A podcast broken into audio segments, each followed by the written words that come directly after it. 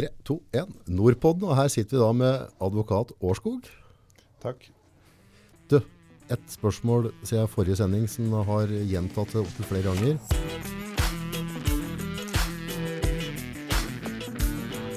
Det er det med sånn samboerkontrakter. Altså, hva, hva skjer når en skiller seg? Hva, hva er, klarer du å forklare en sånn derre Hva er det som er standarden der? Hva kan, det, hva, hva kan folk forvente seg? Ja, Først må man klare om, eh, om man har da vært gift eller samboer. Ja. Altså Hvis du tenker samboere først, hvis du kan ta det først, ja. eh, så har man jo ingen egen sånn samboerlov. Eh, samme måte som man har en ekteskapslov.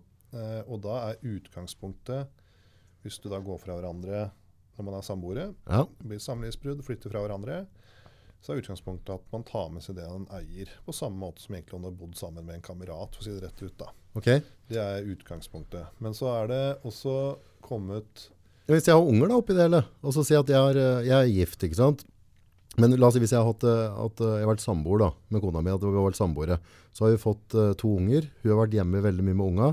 Jeg har vært ned her og jobbet kjempemasse. Mm, Bygde opp noen kroner i firmaer og sånne ting. Og hun har tatt lasten og bært alt hjemme for at jeg skulle få lov til å ha karrieren min, men vi har aldri gifta oss. Og så stikker jeg med alt. Ja, da kan det være at, eh, at samboeren din kan ha en sak. Men uh, utgangspunktet er som jeg sa, at man tar med seg det man eier og har. Ja. Hvis man er samboere. Uh, så har det i rettspraksis kommet noen dommer som har gitt grunnlag for noen unntak. Eh, og sånn helt kort så går unntakene ut på at hvis du da på en eller annen måte har tilført din samboer økonomiske verdier, Ja, Eh, og det kan jo være direkte eller indirekte, sånn som du nevnte nå. Okay, ja. Eh, og, eh, og det er rimelig på en måte at man blir tilkjent et vederlag, Mm. så kan man ha et såkalt vederlagskrav. Altså den samboeren som du nevnte i sted, kan ha et vederlagskrav. Det er ikke skal ha, men han kan, ha det, ha. og der blir det en skjønnsmessig vurdering. Ut fra eh, hva har man på en måte bidratt med som har gjort eh, at den andre blir tilført økonomiske verdier, ja. og ut fra en ren rimelighetsvurdering. Så det er en veldig uklar regel. Ja, for det blir jo litt Eh. sånn urettferdig. Hvis jeg har en veldig sterk personlighet da, og er, er eh, veldig klar på at ja, men du, nå, nå må du være igjen med unga, og nå må vi bare kjøre. Og så bare giftermål, ja, vi tar det ved en anledning, vi tar det blir 40 liksom. Og så får jeg lov til å ture på full rulle nede på jobben. Hun kjører i skole, barnehage, smører mat, hjemme med ungene når de er syke, har en liten jobb, Ja. sånn deltidsjobb, og får kanskje jobba 40% for det er jo noen sånne tilfeller. Ja, Noen sånne tilfeller er det. Og da, i alle sånne tilfeller som jeg har vært borti mens man er samboere, så anbefaler jeg å skrive en samboeravtale. For det, i og med at man ikke har en egen lov som dekker dette på, den, øh, på en så god måte som ektefeller har, så er det samboeravtaler som er utgangspunktet. Hvis man velger å leve sånn uten samboeravtale, så må man eh, vite at man lever litt i det uvisse hvis det blir slutt. Eh, Da er hovedregelen at man ikke har noen krav. Men hvis disse unntaksvilkårene er oppfylt, så kan man ha et krav. Det er ikke sikkert man har et krav, og det er heller ikke si klart hvor stort det kravet er. Nei. Eh, og så er det jo en sa Men samboeres eh, stilling har jo blitt styrka de senere årene. Ikke så mye når det gjelder da samlivsbrudd, som du snakker om nå. Nei, Men eh, et samboerskap opphører jo av og til også ved død. stemmer. At eh, en samboer dør. Eh, og da har det jo kommet regler nå ja, eh, for litt siden hvor samboere har fått en arverett i visse tilfeller. Ok, Eh, kort sagt så må det være, er det sånn at hvis man har felles barn, eller vært et langvarig samboerskap, så Mhm. får det en arverett som i stor grad er liknende en ektefelles arverett. Åja. Så ved dødsfall mm. så har da samboere i større grad blitt likestilt med ektefeller. Og man kan sitte i uskifta bo. Men da må man ha vært samboer mer enn tre måneder, liksom. Altså det, Ja, det er det. Det er eh, et litt langvarig sambo samboerskap eller felles barn. Ja. Det er eh, Da har man eh, arverett, og man har rett til å sitte i uskifta bo. Sånn at du da kan egentlig videreføre økonomien, eh, eller det økonomiske det, man, det begge eide da, tidligere. ja. Men samboerkontrakt, Mm. eh, altså hvor, hvordan bør en sånn se ut, og hvor finner en dette? Er det på Nei, det Google? kan, uh, ja, jeg har sett mange versjoner. Det kan gjøres uh, veldig enkelt. Det er ikke sånn at nødvendigvis må oppsøke advokat for det, men det er vanlig, og jeg vil kanskje tilrå at man gjør det. Mm. Ikke nødvendigvis fordi det er så vanskelig å skrive den kontrakten, men fordi at man kanskje bør ha litt rådgivning på hva er det som gjelder hvis man ikke skriver. Mhm. Og, og hvordan skal dette eh, Hvordan vil man egentlig ha det? Eh, skal, sånn i forhold til det du nevnte i sted. ikke sant? Hvis, hvis man innretter seg sånn da, at den ene skal på en måte helst skape mye verdier, og den andre tar seg av andre ting som gjelder fellesskapet, så er spørsmålet hvordan man skal regulere en eventuell deling av det. da, ikke sant? Mm. Så mm, Ja, for I mitt tilfelle så, så kunne ikke jeg kunne ikke ha drevet på sånn jeg drev på, hadde jeg ikke hatt kona mi da. I det tilfellet her som har stilt opp. Nei, og nå sier grad, du det, så det blir limt fast på internett hvis du Dette må vi slette.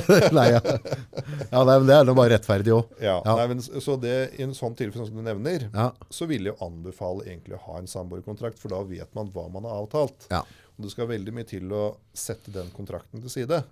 Hvis man ikke har en, har en sånn samboerkontrakt, så må man bare vite at det er litt uavklart. Og det er jo eh, spørsmål som man kunne løse i minnelighet under samboerskapet, er, ikke sikkert det er så enkle å løse i minnelighet når det ikke er samboerskap lenger. Og det gjør at eh, Er det en sånn kontrakt som bør skrives under med, sammen med vitner og sånn, eller? Er det, det er ikke nødvendig, og det er ikke noe vilkår. Nei, Men, det bør være en eh, signatur der da, ikke Det, skal i hvert fall være en, det bør i all, hvert fall være en signatur. Ja, ja.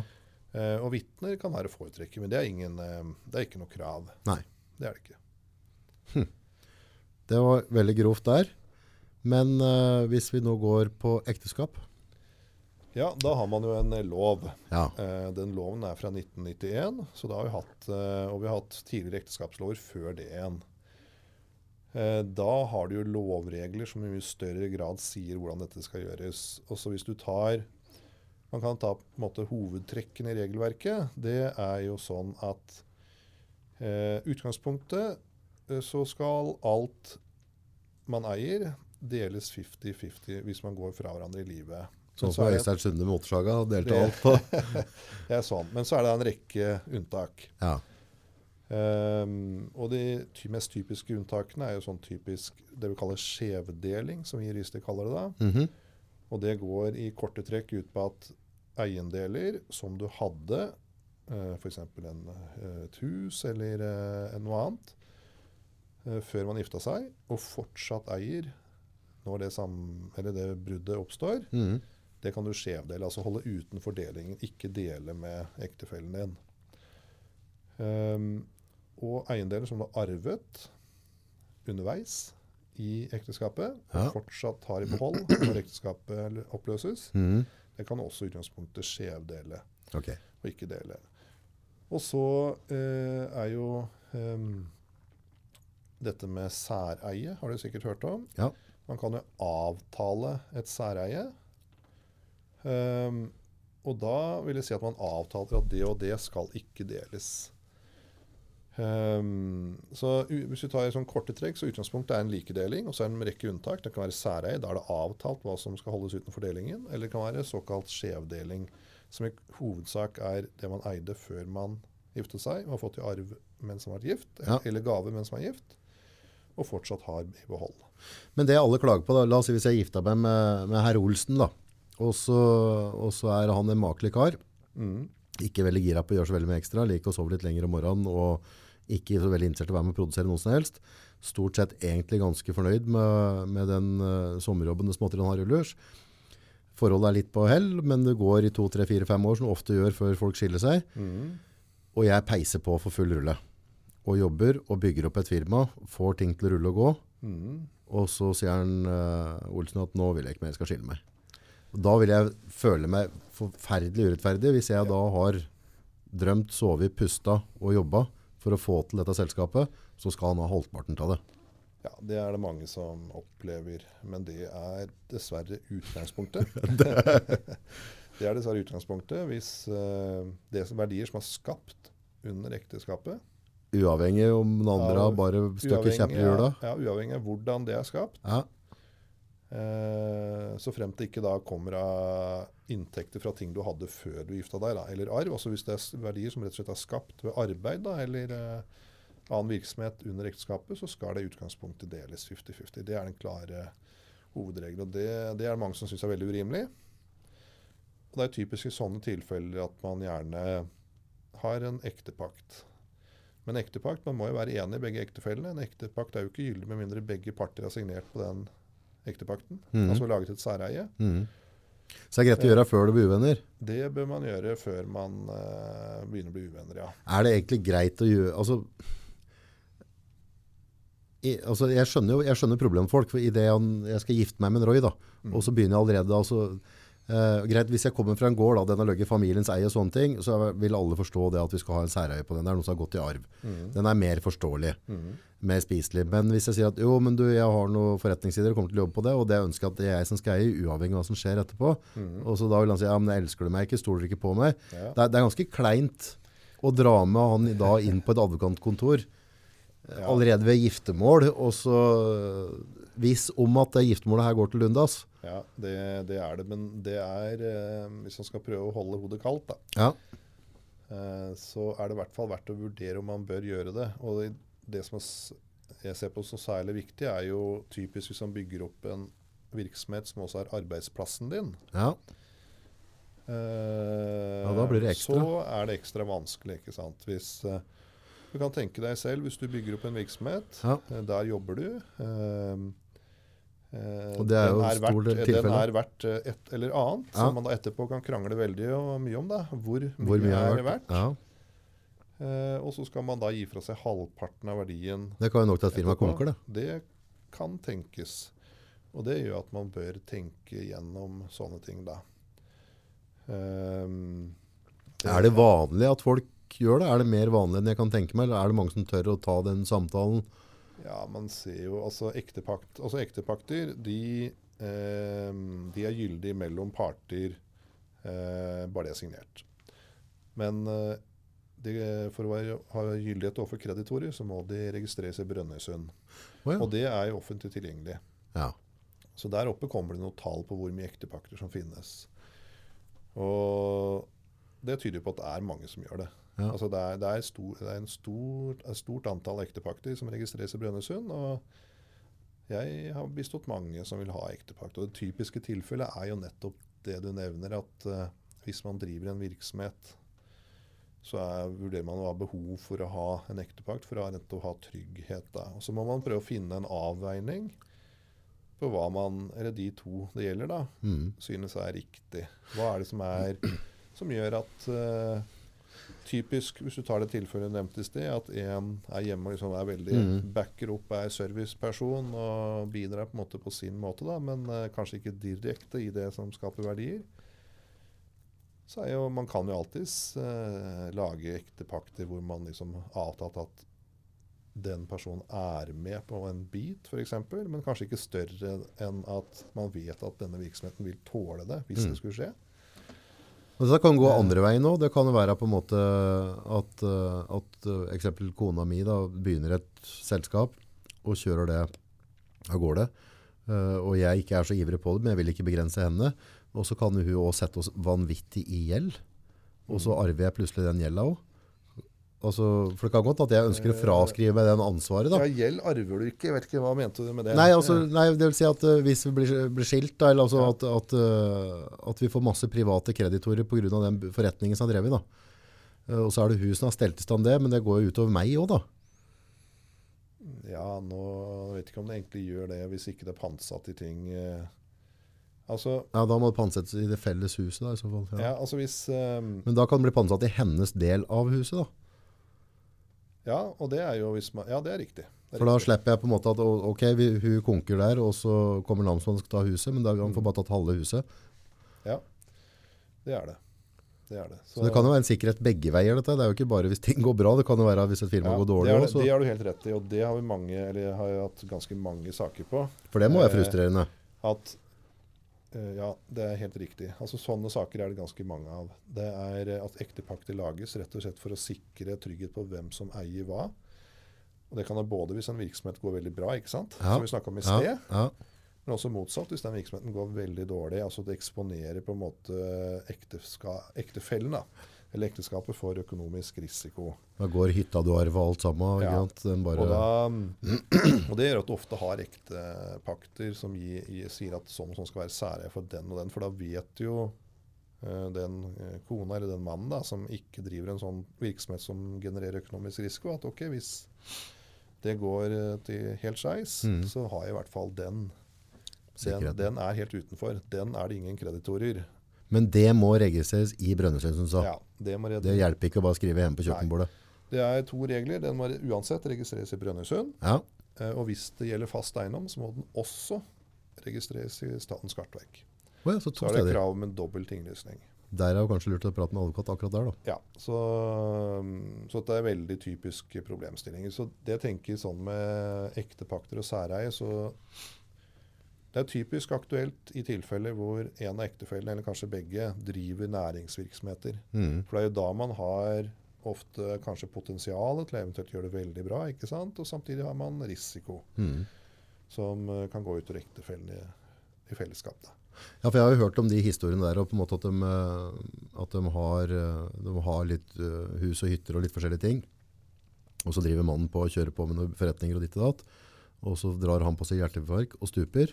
Mm. Eh, og så har han på en måte pantsatt hele huset, pantsatt hele alt. Mm. Og så har ikke den butikken gått så bra som kona trodde. Han var lånt opp etter øra, og det er kreditorer. Og så står det der da med tre unger.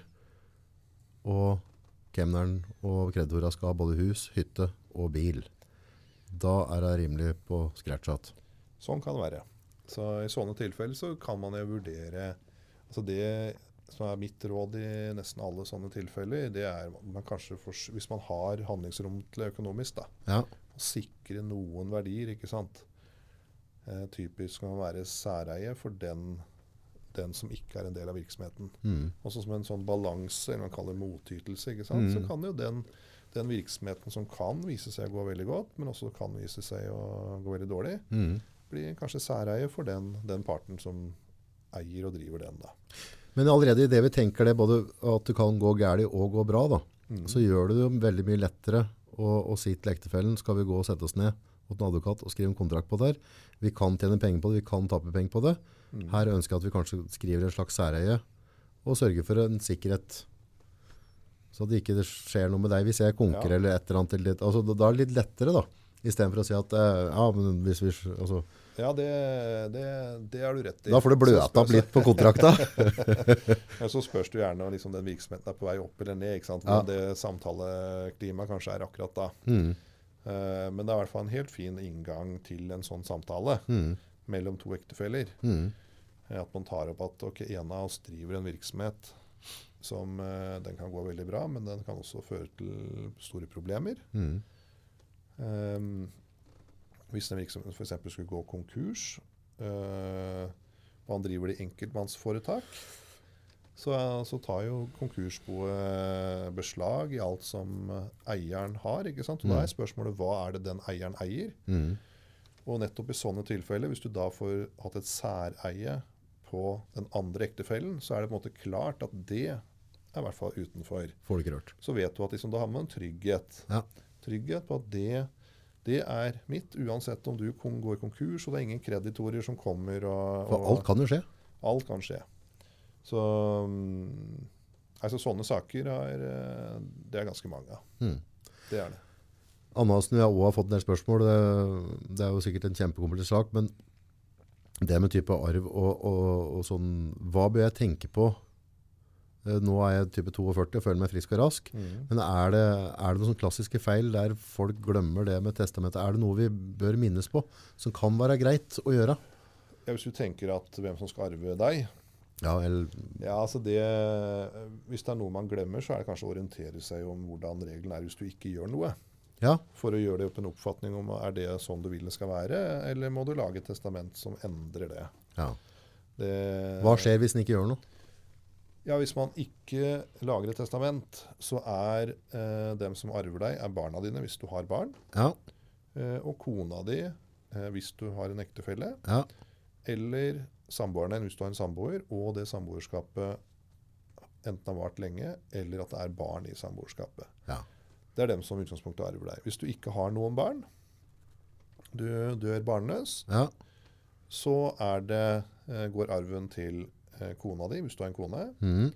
eller opp til foreldrene dine, hvis du fortsatt har foreldre i live. ja. Og hvis foreldrene dine er døde, så går de ned til søsknene dine. Så det er ikke nødvendigvis at kona mi får alt, hvis jeg Nei. er barnløs. Da kan Nei. det faktisk gå til søsknene mine òg.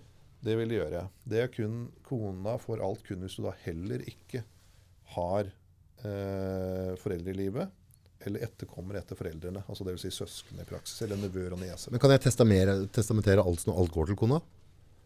Ja, Så lenge du ikke har barn, så kan du gjøre det. Da har jeg mulighet til å gjøre det. Da er det mulighet. For hvis jeg da er himla uvenner med søsknene mine, og jeg ønsker ikke at dem skal arve noe av meg, Ja. jeg er barnløs, Mm. men jeg ønsker at kona mi og hennes tantebarn, at hun kan gjøre et eller annet, for de er veldig trivelig, Mm. så har jeg mulighet til å låse det til kona.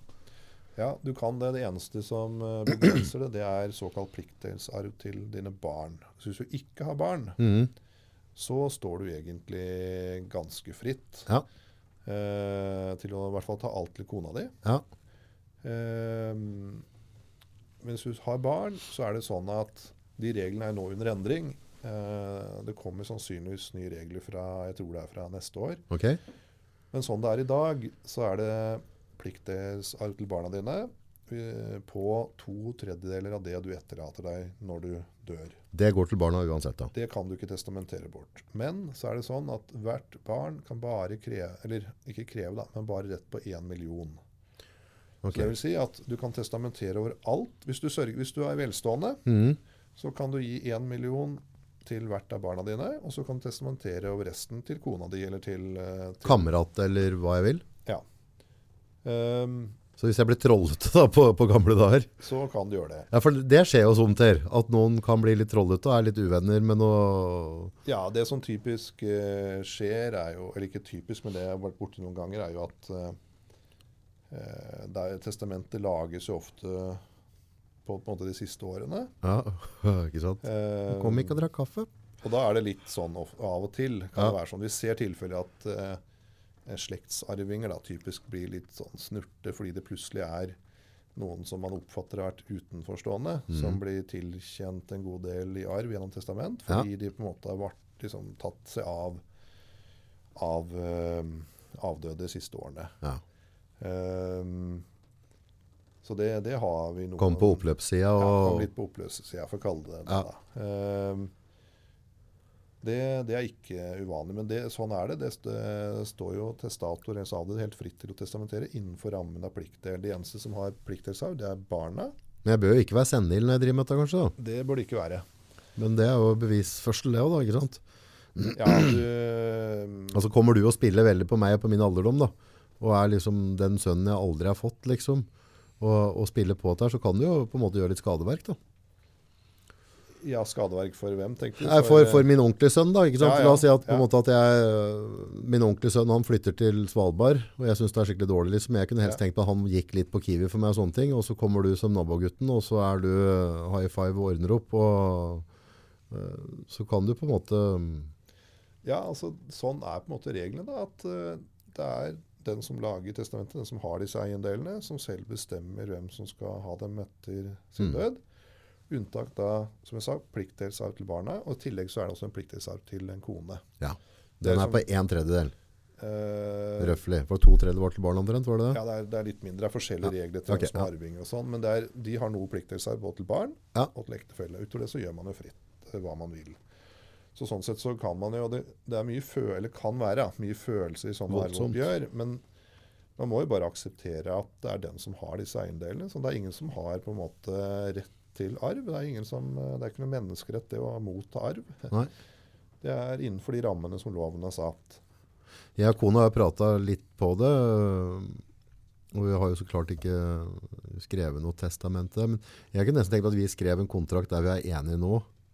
Om at, eh, og, og legger dem til sides. At vi ikke skal drive og skjevfordele for barna. At, altså, for jeg har, jeg har en sånn følelse at dette skjer ofte på slutten av livet. Ja, Eh, at det, på en måte at Mm. barna kan på en måte ha vært med deg i 40 år og vært en, en vanvittig god ressurs, gode barn. eh, veldig bidragsgitt til familien. Og så, og så blir jeg sur og bitter på det siste året, og så begynner liksom å herje rundt. da. Mm. At vi i hvert fall har en god moral rundt på det, at døtrene våre dem skal, skal fordele likt. Mm. Uavhengig om den ene da begynner å bli narkoman eller ikke. Ja. Så at vi på en måte tar stilling til det nå i ung alder. At det er et grunnprinsipp vi skal ha i vår familie. Mm. Uavhengig av hva den ene eller andre driver med, så Ja. deler vi likt. Ja, det går an eh, å gjøre det. Altså, testament, det er, Man må lage testament. Ja. Eh, testamentet kan som utgangspunkt kalles tilbake. Ja.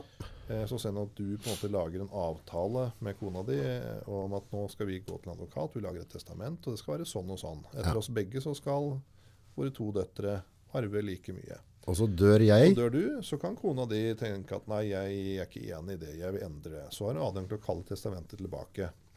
Men det er, det er mulig å gjøre et testament ikke eh, Altså det som kalles arvepakt. Da. Det er Ja. et eh, gresk ord for sikkert ikke-jurister, men arvepakt det betyr at testamentet ikke kan kalles tilbake. Man kan lage et testament som heter arvepakt, som gjør at det testamentet er ikke gjenkallelig.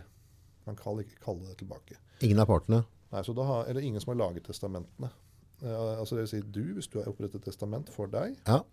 og du gjør det til en arvepakt, så kan ikke du ombestemme det senere. Og Det samme gjelder jo da kona di. Hvis hun har laget uh, testament som er en arvepakt, så kan heller ikke hun uh, begynne å kalle det Det må nesten være litt sunt. Ja, det, Det er skummelt, da. det er det forskjellige meninger om. da. Det er jo litt skummelt kanskje å lage testament i ung alder, for man tenker jo kanskje ikke likt eh, når man er 20 og 40 og 60. Nei. Men faren for, faren for kona er at vi kan være enige om at vi skal dele likt med, med, med jentene våre. Mm. Eh, og så la oss si hvis hun går bort før meg, da, og så blir jeg grumpy, som ofte gubber blir når de er 70 år, Mm. så, og begynner liksom å, å ha litt mye fritid, jeg har ikke så mye å gjøre på jobben mer, og, og begynne å fly rundt og rasle rundt med sabla i nabolaget, og så begynner jeg liksom eh, Det er veldig fort gjort, jeg, i en, i en sen alder at du føler at du har litt makt. da. Med at eh, ja, hvis ikke du møter opp sånn og sånn, Maurits, så, så kommer jeg til å justere det testamentet. Ja, det, man har jo faktisk litt uh, makt. Ja, man har det. det er bare Ja. sånn det er, så det får man ikke gjort så mye med. Og så, men kan du følge opp med det eh, som jeg nevnte i stad, med at uh, testament ikke er tilbake, at man ikke kan holde tilbake. Det er jo heller ikke en hindring. Det, ser, vi- det kommer jo ofte kunder eller klienter, som vi advokater ofte kaller det, da, til oss. og eh, liksom hvordan de skal innrette seg. Både for å på en måte komme forbi pliktdelsarven, som vi snakket om i sted, Ja. eller komme forbi en arvepakt, altså testament som ikke kan kalles tilbake. Eh, og det er jo eh, dessverre for noen, heldigvis for andre, veldig enkelt å omgå. Ok. Eh, fordi testament eh, og arv det handler om hva som skal skje med de eiendelene du eier når du dør. Ja. Det vil si, det gjelder jo bare det du eier på det tidspunktet du dør. ja. Så jeg kan herje på før jeg dør. Ja, så det vil jo si at uh, i levende live så kan du helt fram til du begynner å nærme deg, eller ligger på dødsleiet, da, Mhm. Disponere over eiendelene dine. Er det noen grense der når du ikke kan begynne å disponere? At du, at du kan gå inn og si at der var han det ikke frisk? Ja, det er eh, ja, det blir sånn, vi kan si at det er når du kommer på dødsleie sånn i kort. Nå snakker jeg veldig grovt, ja, ja, altså. ja, ja, veldig grovt. Og litt unyansert, men, mm, men det, det kan jeg si. Når man kommer på dødsleie, da begynner du å komme inn i en testamentsdisposisjon. Hvis du da begynner å disponere over eiendelene dine, Ja. da disponerer du liksom over arven. Mhm. Men mens du lever og disponerer, kan selge, gi bort eh, hva du vil, bruke opp, eh, så er det ingen som kan si at nei, men eh, nå har du Dette skulle jeg arve av deg. Mm, Eh, det går ikke. Eh, Men den, den ser jeg, for altså, du må jo få lov til å gjøre hva du vil med pengene dine så lenge du er Ja. i den fulle fem. Og, ja, så, men det er jo liksom, jeg har jo hørt dem som på en måte mm, har gitt bort vanvittig, altså uh, absolutt begynt å, å helle på åra. La oss si at det, hvis det er meg da, mm, at jeg begynner å bli litt surrete og sånne ting, og veldig nærtagende liksom, og det er ikke mye som skal til før jeg føler at du som min sønn tråkker meg på tåa. mm, Og i neste øyeblikk så gir jeg bort til en eller annen veldedig organisasjon en million mm. over telefon. Sånn på lørdagskvelden, for at jeg er litt irritert for at ikke du kom og kjøpte melk. Og det, det har jo skjedd, og der har det vært noen saker. Der, Jeg håper ikke det har skjedd ofte, men det kan, det kan sikkert skje. I hvert fall så er det ikke uvanlig å gi bort uh, penger uh, i godt voksen alder. Mm. Og det kan jo typisk være som du sier, at man kanskje kommer litt på kant med sine nærmeste, og så kommer man veldig godt overens med noen andre. Mm. Um, så, så, men det, det er uh, Hvis man skal ta, ta, si noen utgangspunkter, så er det, tror jeg liksom alle må tenke at vi har ikke Altså det å få arv, det er ingen menneskerett. er Vi har ikke noe krav på det. Og se, arveloven gir jo da barn og ektefelle noen krav, men det er så lett å omgå. Mm. At jeg tror alle bør bare innrette seg etter at hvis eh, en person ikke vil at du skal motta arv, Mm. så er det så lett å, å omgå det at det klarer man hvis man klarer man engasjerer en eh, helt grei, kompetent advokat. Ja. Og da tror jeg bare man må liksom legge det til grunn og tenke at arv det er noe vi kan få. Eh, Noen av oss er heldige å arve mye, andre mindre, andre ingenting. Og det er ikke noe vi kan forvente. Mm. Sånn må det bare være. Eller sånn er det. da. Ja. Det er eh, fundamentet. Mm. Du pratet på at det var oppe til forslag, eller at det kanskje skulle bli noen endringer. Hva er det de tenker på å endre Ja, på? det er eh, denne pliktdelsarven til barna. Mm. som vi nevnte, den har jo medført at eh, velstående folk har jo en stor testasjonsfrihet, ikke sant? For da er det én million til hver. Eh, mens da de som ikke har så mye, har jo kanskje ikke kan, noen nesten de kan testamentere over. altså Det blir bare den ene tredjedelen. Mm. Eh, og Derfor har man foreslått Og, og de beløpene har stått stille ganske lenge. Mm. Så det man eh, nå har foreslått, det er at den, uh, den pliktdelsarven som i dag er på 1 million per barn, skal økes til ca. 2,4 eller 2,5 millioner kroner. Okay. Så det vil gjøre at velstående personer får litt mindre testasjonsfrihet da, Ja. enn det de hadde eller har i dag. Mm. Um, så de, det, er noen, det er også andre endringer, men det er en hovedendring da, Mm. i det lovforslaget som, eh, som ser ut til å ende med at du får en sånn type regel. Mm. Så så langt oppsummert er da en samboeravtale, kontrakt, Mm. kan være fornuftig. Det er egentlig absolutt Det er ikke bare kan være fornuftig, jeg tror de, de fleste tilfeller er fornuftig. Ja. Eh, nettopp fordi du har så Du har eh, ingen dekkende lov. Så enten så er det å lage en samboerkontrakt, eller så er det å akseptere at det er ganske uklart hva som skjer Mm. den dagen samboerskapet opphører. Da. Mm. Jeg kjenner jo noen som har vært samboer i, i type 15 år, men fortsatt så er de som et ektepar, men det er bare som de aldri somler seg til å gifte seg, liksom. Men de har unger sammen og vært samboere hele tida. Ja, da, da bør man nok kanskje ha en samboerkontrakt. I hvert fall Mm. så er det å anbefale. Mm. Det er helt klart å anbefale. Mm. Eh, fordi eh, man har eh, Det er mye mer uklare regler om hva som gjelder hvis det da skulle bli et brudd. Mm. Og er han gift, så er han gift.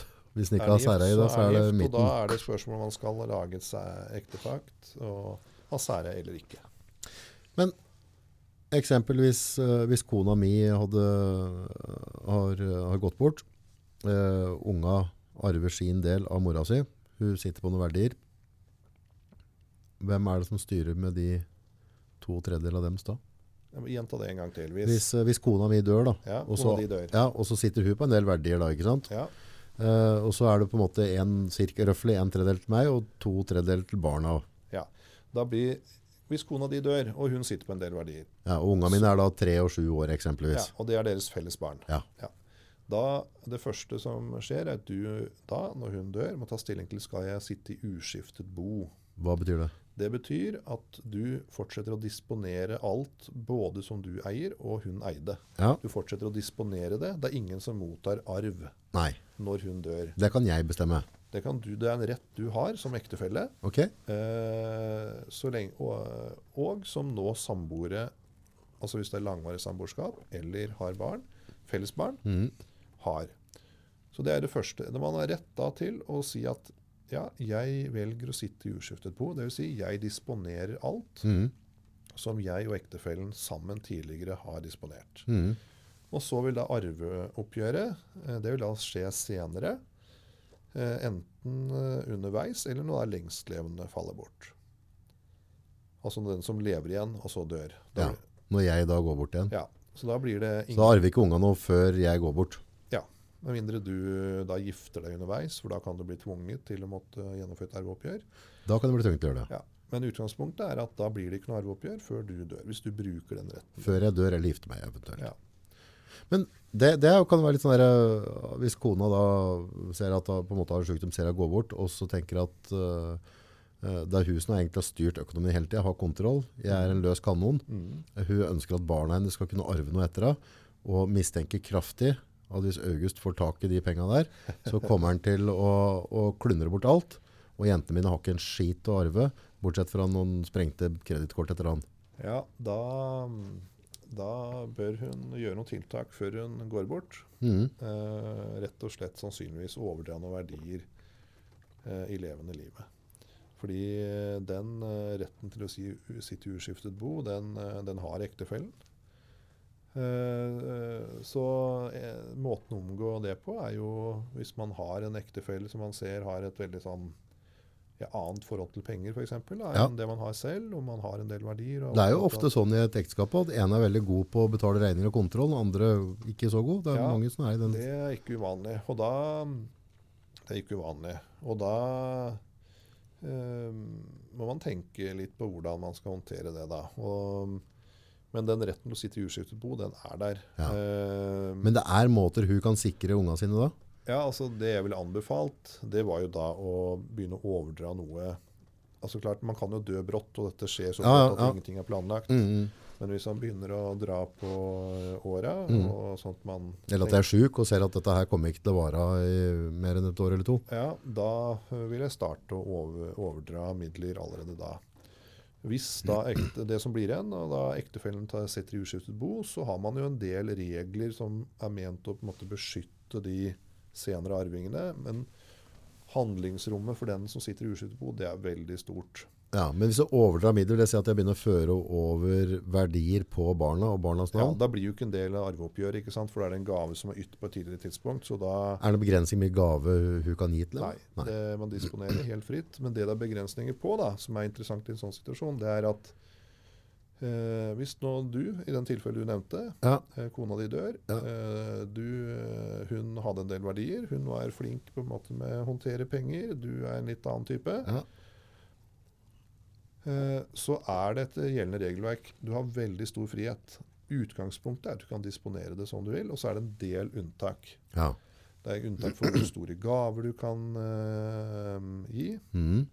Uh, Det er noen, vi- noen sånne snevre unntak hvis du på en måte misligholder Altså at du forvalter på en åpenbart destruktiv måte. ja.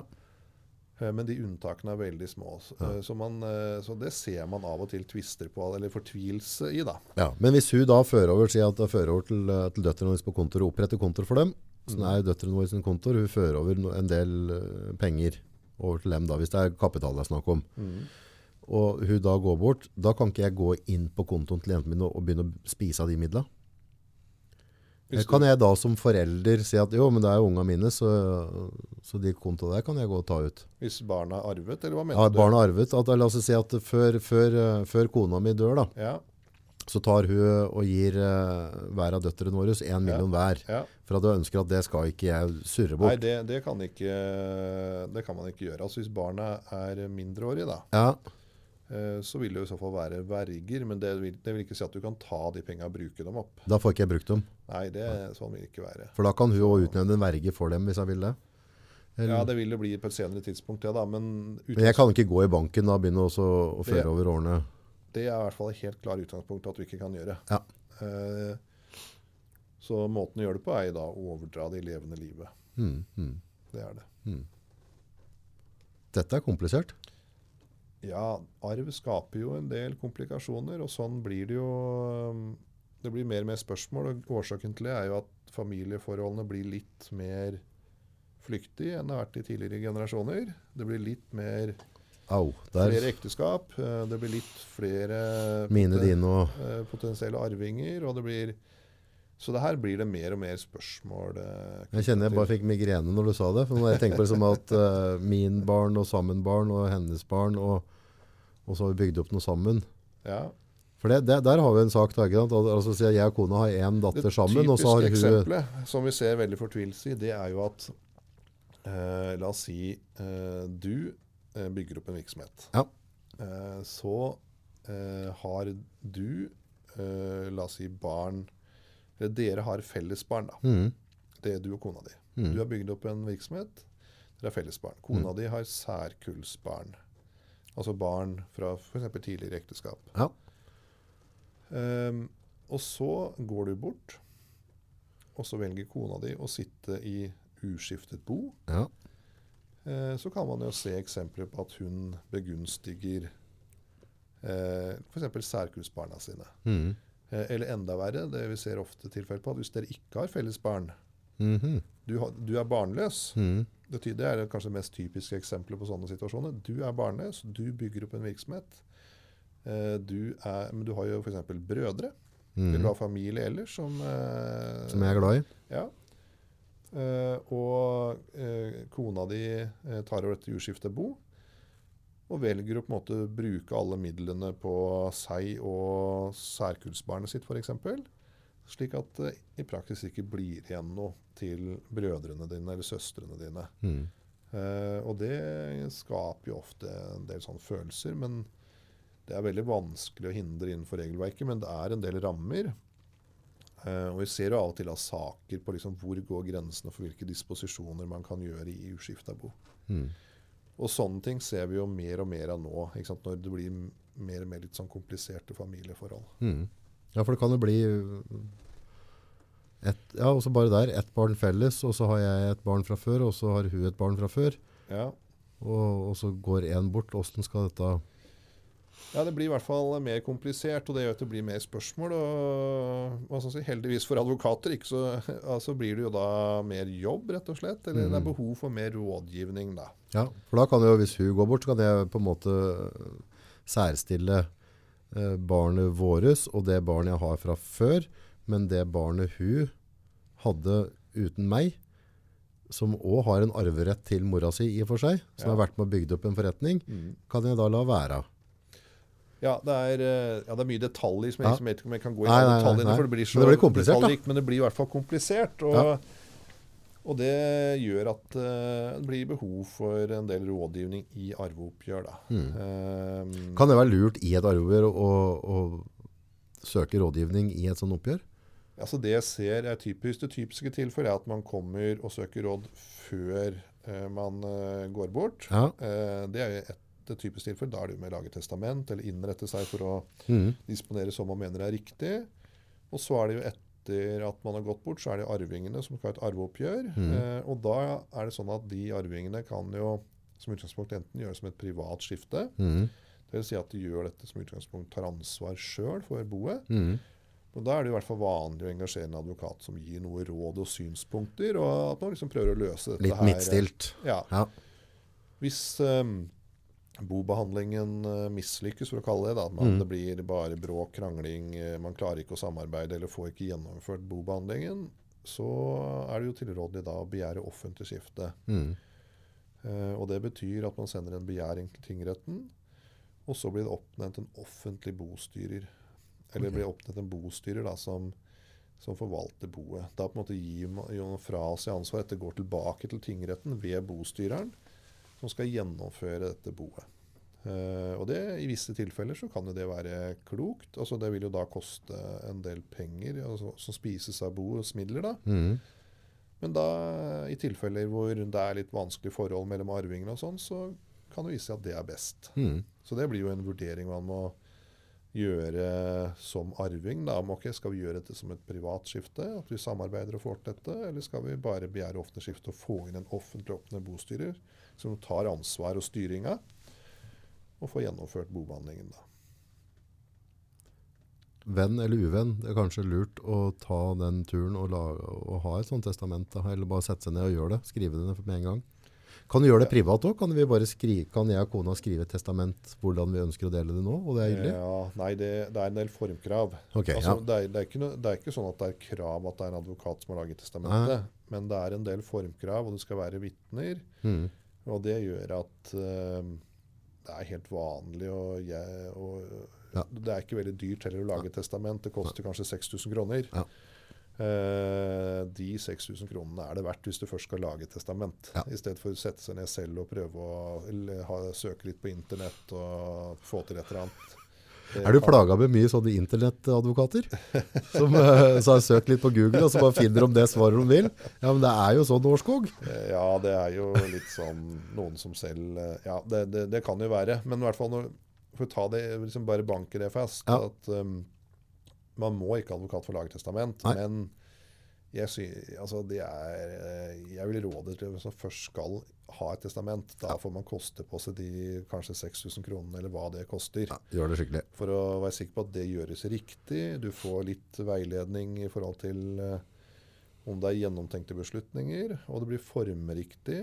Og så Det jeg også alltid råder til, det er å deponere testamentet hos tingretten. Det vil si. Det vil si at eh, når testamentet er opprettet, så sendes det til tingretten.